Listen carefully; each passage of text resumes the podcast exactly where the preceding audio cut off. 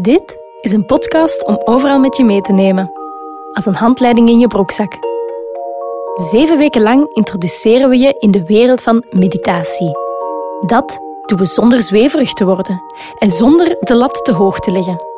En we doen het ook niet met een of andere goeroe als gids, maar wel met een hersenspecialist, professor Steven Laurijs. Welkom bij Mediteren met Steven Laurijs, een podcast van Knak Weekend. Een mens ademt zo'n 21.000 keer per dag, ofwel 700 miljoen keer in een gemiddeld leven. Net zoals het pompen van ons hart is onze ademhaling een krachtig en bijna vanzelf lopend systeem dat ons in leven houdt. Maar het is ook een van de weinige mechanismen in ons lichaam die we bewust kunnen controleren. En net dat kunnen controleren kan voordelig zijn voor de hersenen omdat we allemaal ademen, is ademhalingsmeditatie een van de populairste meditatietechnieken wereldwijd. Ook professor Steven Laurijs is er grote liefhebber van. Welkom Steven. Hallo Eva.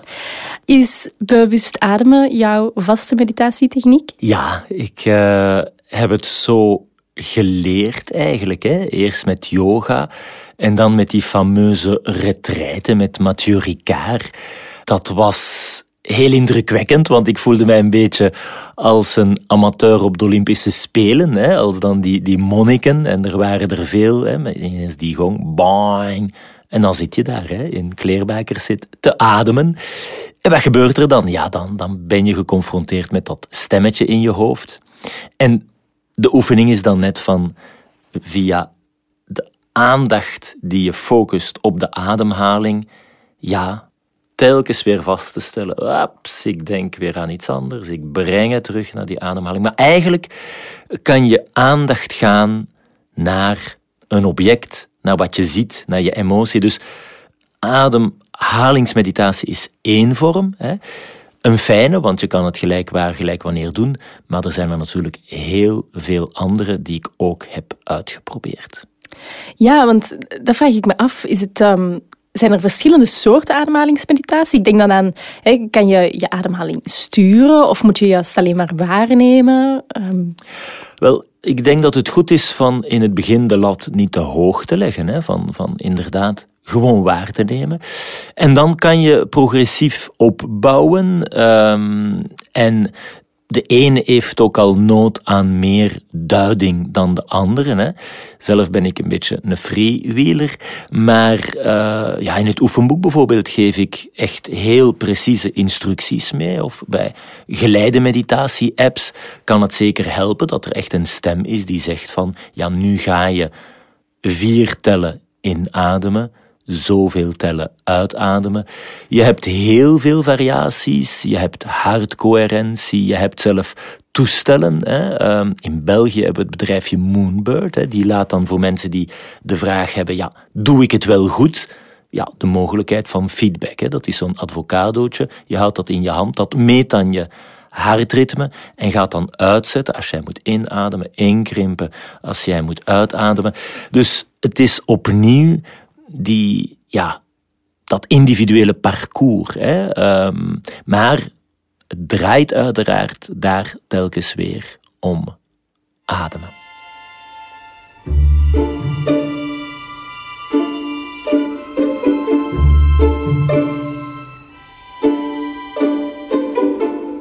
En het doel blijft bij alle technieken hetzelfde, namelijk ja, die focus op ademhaling leggen en niet op andere dingen.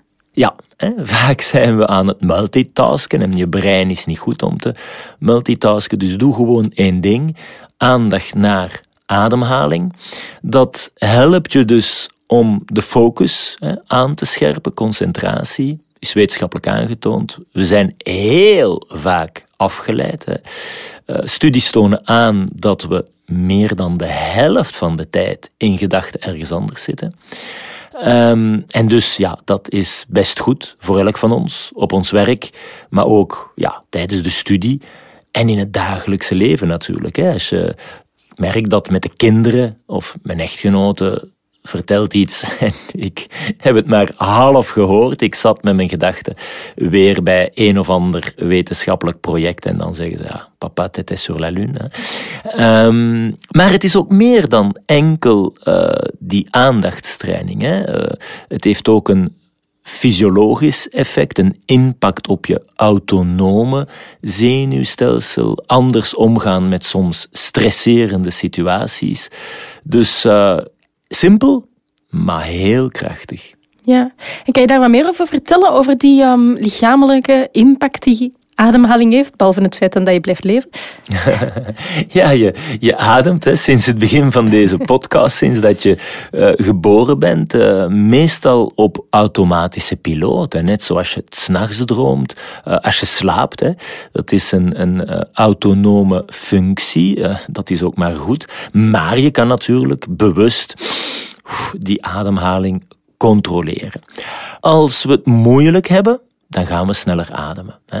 Uh, als je opnieuw gestresseerd bent, gespannen, op podium staat, je project moet voorstellen, dan begin je soms te, tot hyperventileren en dan kan dat een probleem zijn, dat kan een paniekaanval geven. Opnieuw daar hè, zijn er verschillende technieken waar je bewust die ademhaling kan gaan vertragen. Eerste stap is om, om er gewoon aandacht voor te hebben. Dan kan je dat bewust gaan sturen. En wat ik voorstel ook in, in het oefenboek is van ga iets langer uitademen. Hè? Want bij elke uitademing gaat je hart een beetje trager kloppen. En dus dat is ja, een positief effect wat je de mogelijkheid geeft om gewoon rustiger te worden. Niet alleen in je hoofd, maar ook ja, je hele stressreactie, hè, ook lichamelijk rustgevend effect van wat trager te gaan ademen. En dat kan je op momenten doen dat je voelt ik sta onder stress, maar dat kan je ook op eender welk moment doen, zeg jij? Ja, ik denk het is goed van, van even de tijd te nemen. Hè, en, en dat is dan de formele meditatieoefening die we dacht ik ook op het einde van deze aflevering. Hè, samen gaan doen, want mm we kunnen er heel lang over praten, maar uiteindelijk is meditatie mediteren. Dus ja. um, het is een werkwoord. Um, maar ja, we zitten, weet ik veel, 10 minuutjes, 20 minuutjes uh, op onze stoel, op ons meditatiekussen, of we gaan op retraite. Of, maar op een bepaald moment kom je wel terug van die retraite, of sta je wel op van dat kussen en wat doe je dan? Dus daar is voor mij de grootste uitdaging, en dat noem ik dan informele meditatie, van aandacht te blijven hebben. Hè? Hoe voel ik me? En ja, dat merk ik ook op mijn consultatie, geconfronteerd met toch grote drama's. Hè? Die families die een dochterpartner hebben verloren, hersentrauma, waar ik aanvoel nu heb ik nood aan een kleine ademhalingspauze. Maar dat kan ook als ik uh, naar mijn werk pendel, hè, op de tram, de bus, uh, als het vliegtuig vertraging heeft. Uh, dat zijn allemaal momenten waar je dit soort ademhalingsmeditatie kan doen. En niemand hoeft dat trouwens te zien. Ja, en zo simpel kan het zijn, zeg je. Even inademen, uitademen. En dat heeft al effect op je welzijn. Wel, Eva, misschien is de moeilijkste, in elk geval voor mij, de eerste. Ah. Dat is van, van vast te stellen, uh, ja, vijf kinderen, uh, partner die werkt, uh, drukke job, ziekenhuis, universiteit. Poeh, dan, dan kom ik soms thuis, ga ik kindjes ophalen op school en, en dan merk ik ik heb nu even, even nood. Of merk ik het niet en, en dan, dan gaat het dus vaak fout. Dus die vaststelling van, oh, oh, oh, oh nu even uh, time out. En, en dat hoeft maar een minuutje te zijn. Het is niet toelaten dat dat kleine vuurtje een bosbrand wordt. Hè. En dat is opnieuw iets wat je kan aanleren.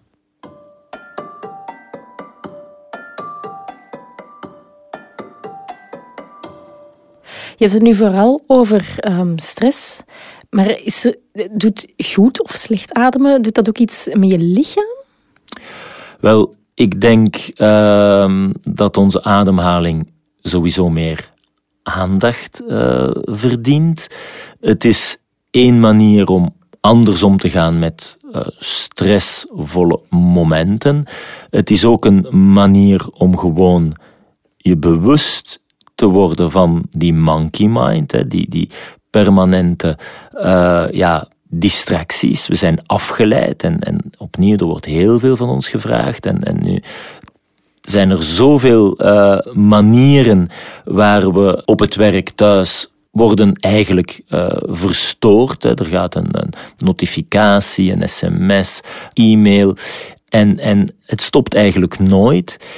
En dan, ja, voor je brein is dat moeilijk hè, om, om telkens weer de draad op te pikken. Dus ademhaling en die aandachtsmeditatie uh, waar je terug gaat koppelen naar het anker, het object uh, van je meditatie. En dat is bewust in- en uitademen. Ja, scherpt je focus aan. Het heeft een meetbaar effect op je stressrespons. Je hartslag gaat trager, je bloeddruk als we cortisol, noradrenaline meten. Dus dat is belangrijk. Hè? Eh, stress op zich is niet slecht, maar te veel, te lang, dat is ja, niet goed, neurotoxisch en niet goed voor uh, je lichaam, je immuunrespons. Die hele complexe interactie tussen mentale en ja, de rest van je lichaam.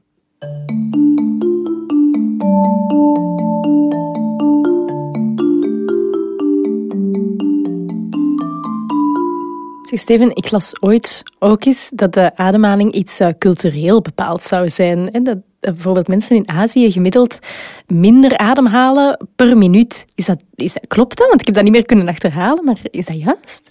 Ik weet het niet. Nee. Ik uh, merk wel, want uh, ik heb ook een centrum in, in China waar ik een deel van de tijd verblijf. We werken ook samen met Japan. Um, ja, er is, er is een, een andere cultuur. Hè. Ik denk dat religie daar ook meespeelt. Um, maar ik denk dat we ook niet te veel meditatie, en dat is eigenlijk zo, en dat stoort me, moeten zien als ja, het is ginder zoveel beter. Hè. Ik heb in Japan trouwens ook heel veel stress op het werk gezien. Um, het is zeker niet te reduceren tot uh, ja, een boeddhistisch of een hindoeïstisch of een taoïstisch of whatever.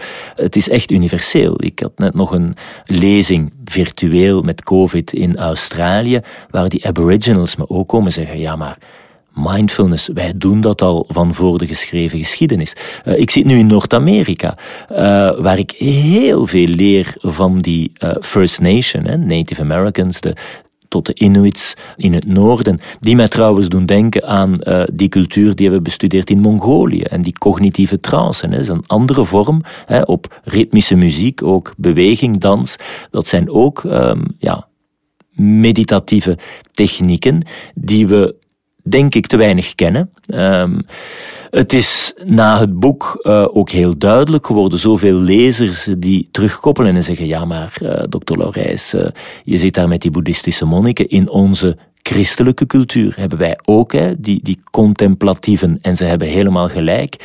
Dus uh, ik denk dat we daar eigenlijk allemaal gelijk zijn en allemaal ook via religie of andere tradities een invulling hebben gegeven Ademhaling speelt daar heel vaak een rol, maar er zijn andere technieken. We gaan het hebben over bijvoorbeeld transcendente meditatie, die ook populair is in Vlaanderen. Dat is het herhalen van een mantra. Doet me opnieuw denken aan wat we vroeger in onze kerken deden. Hè. Uh, enfin, ze, lopen nu niet meer over, het zondags. Maar dat is ook hè, je aandacht houden op het herhalen van een kort gebed dat je van buiten kent. Dan raak je ook in een bepaalde bewustzijnstoestand. Dus ademhaling, heel krachtig, op het eerste zicht heel simpel, maar ik zou zeggen, doe het maar. Dan, dan ga je al snel merken dat het soms best een uitdaging kan zijn. Het is één vorm meditatie, dat is je aandacht trainen naar één object. Ademhaling is één vorm, maar er zijn er vele andere. Het uh, ademhalen is dus niet cultureel bepaald. Maar ik vraag me af, is het um, misschien wel iets dat we leren, goed of slecht, in de loop van ons leven? Verandert de manier waarop dat we ademhalen en hoe dat we ermee omgaan door ouder te worden? Ja, het is gelinkt aan onze metabole behoeften, hè? de stofwisseling. Um, als we ziek zijn, gaan we sneller ademhalen. Als we, zoals gezegd, eh, een paniekaanval hebben, gestresseerd zijn. Um, dus het is duidelijk dat het een, een, een goede indicator is en eentje die we bewust kunnen sturen. En dan ga je dus een waterval van ja, fysiologische effecten, hè, neurochemisch ook in je brein, gaan lanceren en het effect aanvoelen. Hè? Want er is de theorie, er zijn die objectieve studies die gaan meten wat, wat gebeurt daar. Maar uiteindelijk, denk ik, is het ook belangrijk van het gewoon aan te voelen en, en aan te passen opnieuw aan wat mogelijk is voor jou. Hè. Alle oefeningen, ja, we gaan voorstellen bijvoorbeeld vier tellen in, zes tellen uit. Maar als jij je beter voelt met, met iets korter, iets langer, dat is helemaal oké. het is uh, zeker niet zo dat dat een uh, one size fits all is. En opnieuw, uh, je kan het doen via het lezen van een boek, een podcast, een geleide meditatie, de app. Sommige mensen hebben heel veel aan die feedback toestellen, die zich gaan aanpassen aan jouw specifieke ontwikkeling. Anderen worden dan weer, ja, nog nerveuzer van die technologie en die, die schermpjes. Dus dat, dat is opnieuw uh, onmogelijk voor mij om te zeggen, iedereen moet het op die manier doen. Uh, dat is die persoonlijke ontdekkingsreis naar je interne universum en uh, wat voor jou het best aanvoelt.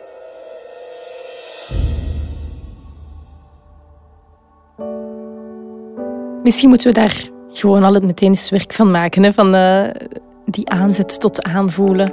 Um, Steven, neem ons mee in een oefening. Met heel veel plezier. Eva, iedereen die nu meeluistert.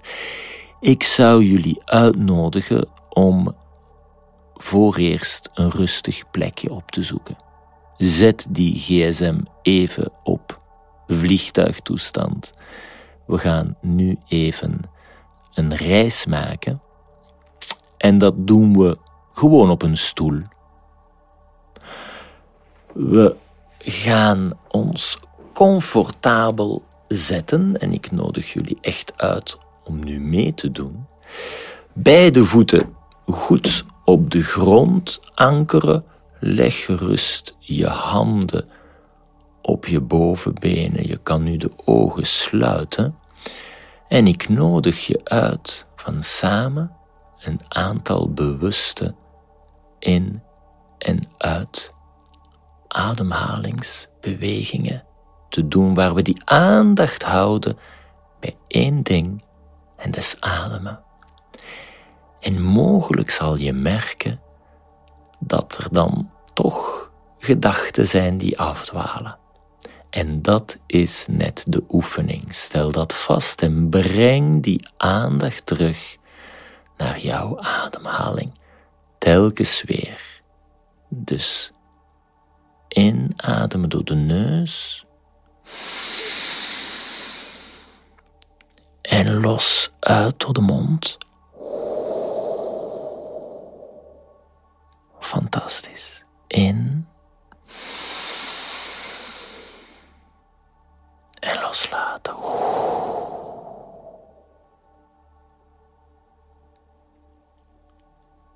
In door de neus. En nu iets langer uit.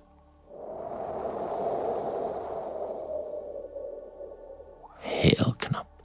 En als je wil, kan je nu je hand op je buik leggen en dan voel je dat die uitzet als je inademt. Zo. Een strakke buik bij het uitademen. Dat is perfect.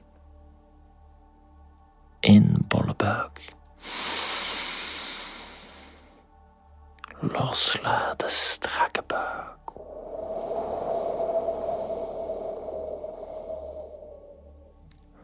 We doen er nog twee. Dat is in.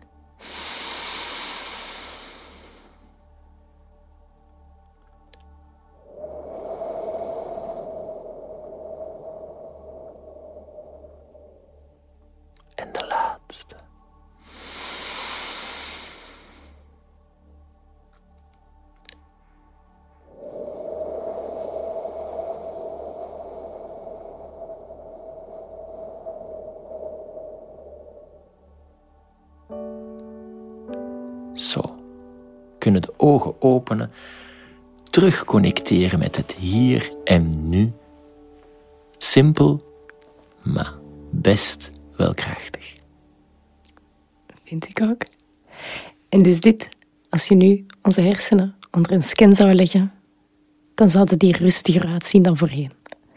Ja, je, je hebt daar een netwerk, hè, wat we interne bewustzijnsnetwerk, in het Engels ook de default mode. Dat is een um, deel van je brein dat we trouwens uh, heel erg hebben bestudeerd, hè, ook na coma, uh, waar ja, gedachten ontspruiten. En als je dan die oefening doet, dat heb je mogelijk gemerkt, na een tijdje ja, ga je toch aan iets anders denken. Dat is dat interne bewustzijnsnetwerk, dat stemmetje in je hoofd. En dat ga je dan opmerken.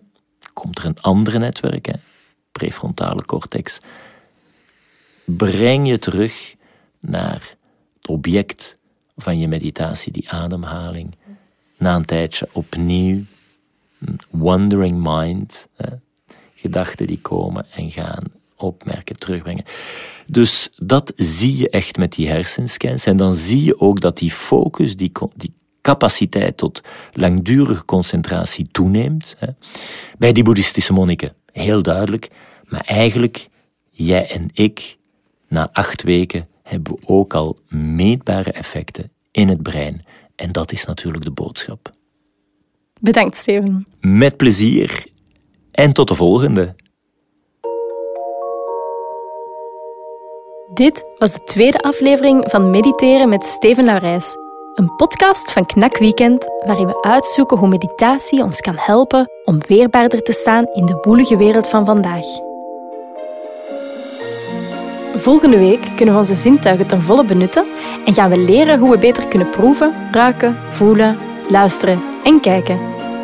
Als je niet kan wachten tot dan voor meer, vind je ook op weekend.be elke week een nieuwe lading tips en extra informatie over mediteren. Veel succes en tot volgende week.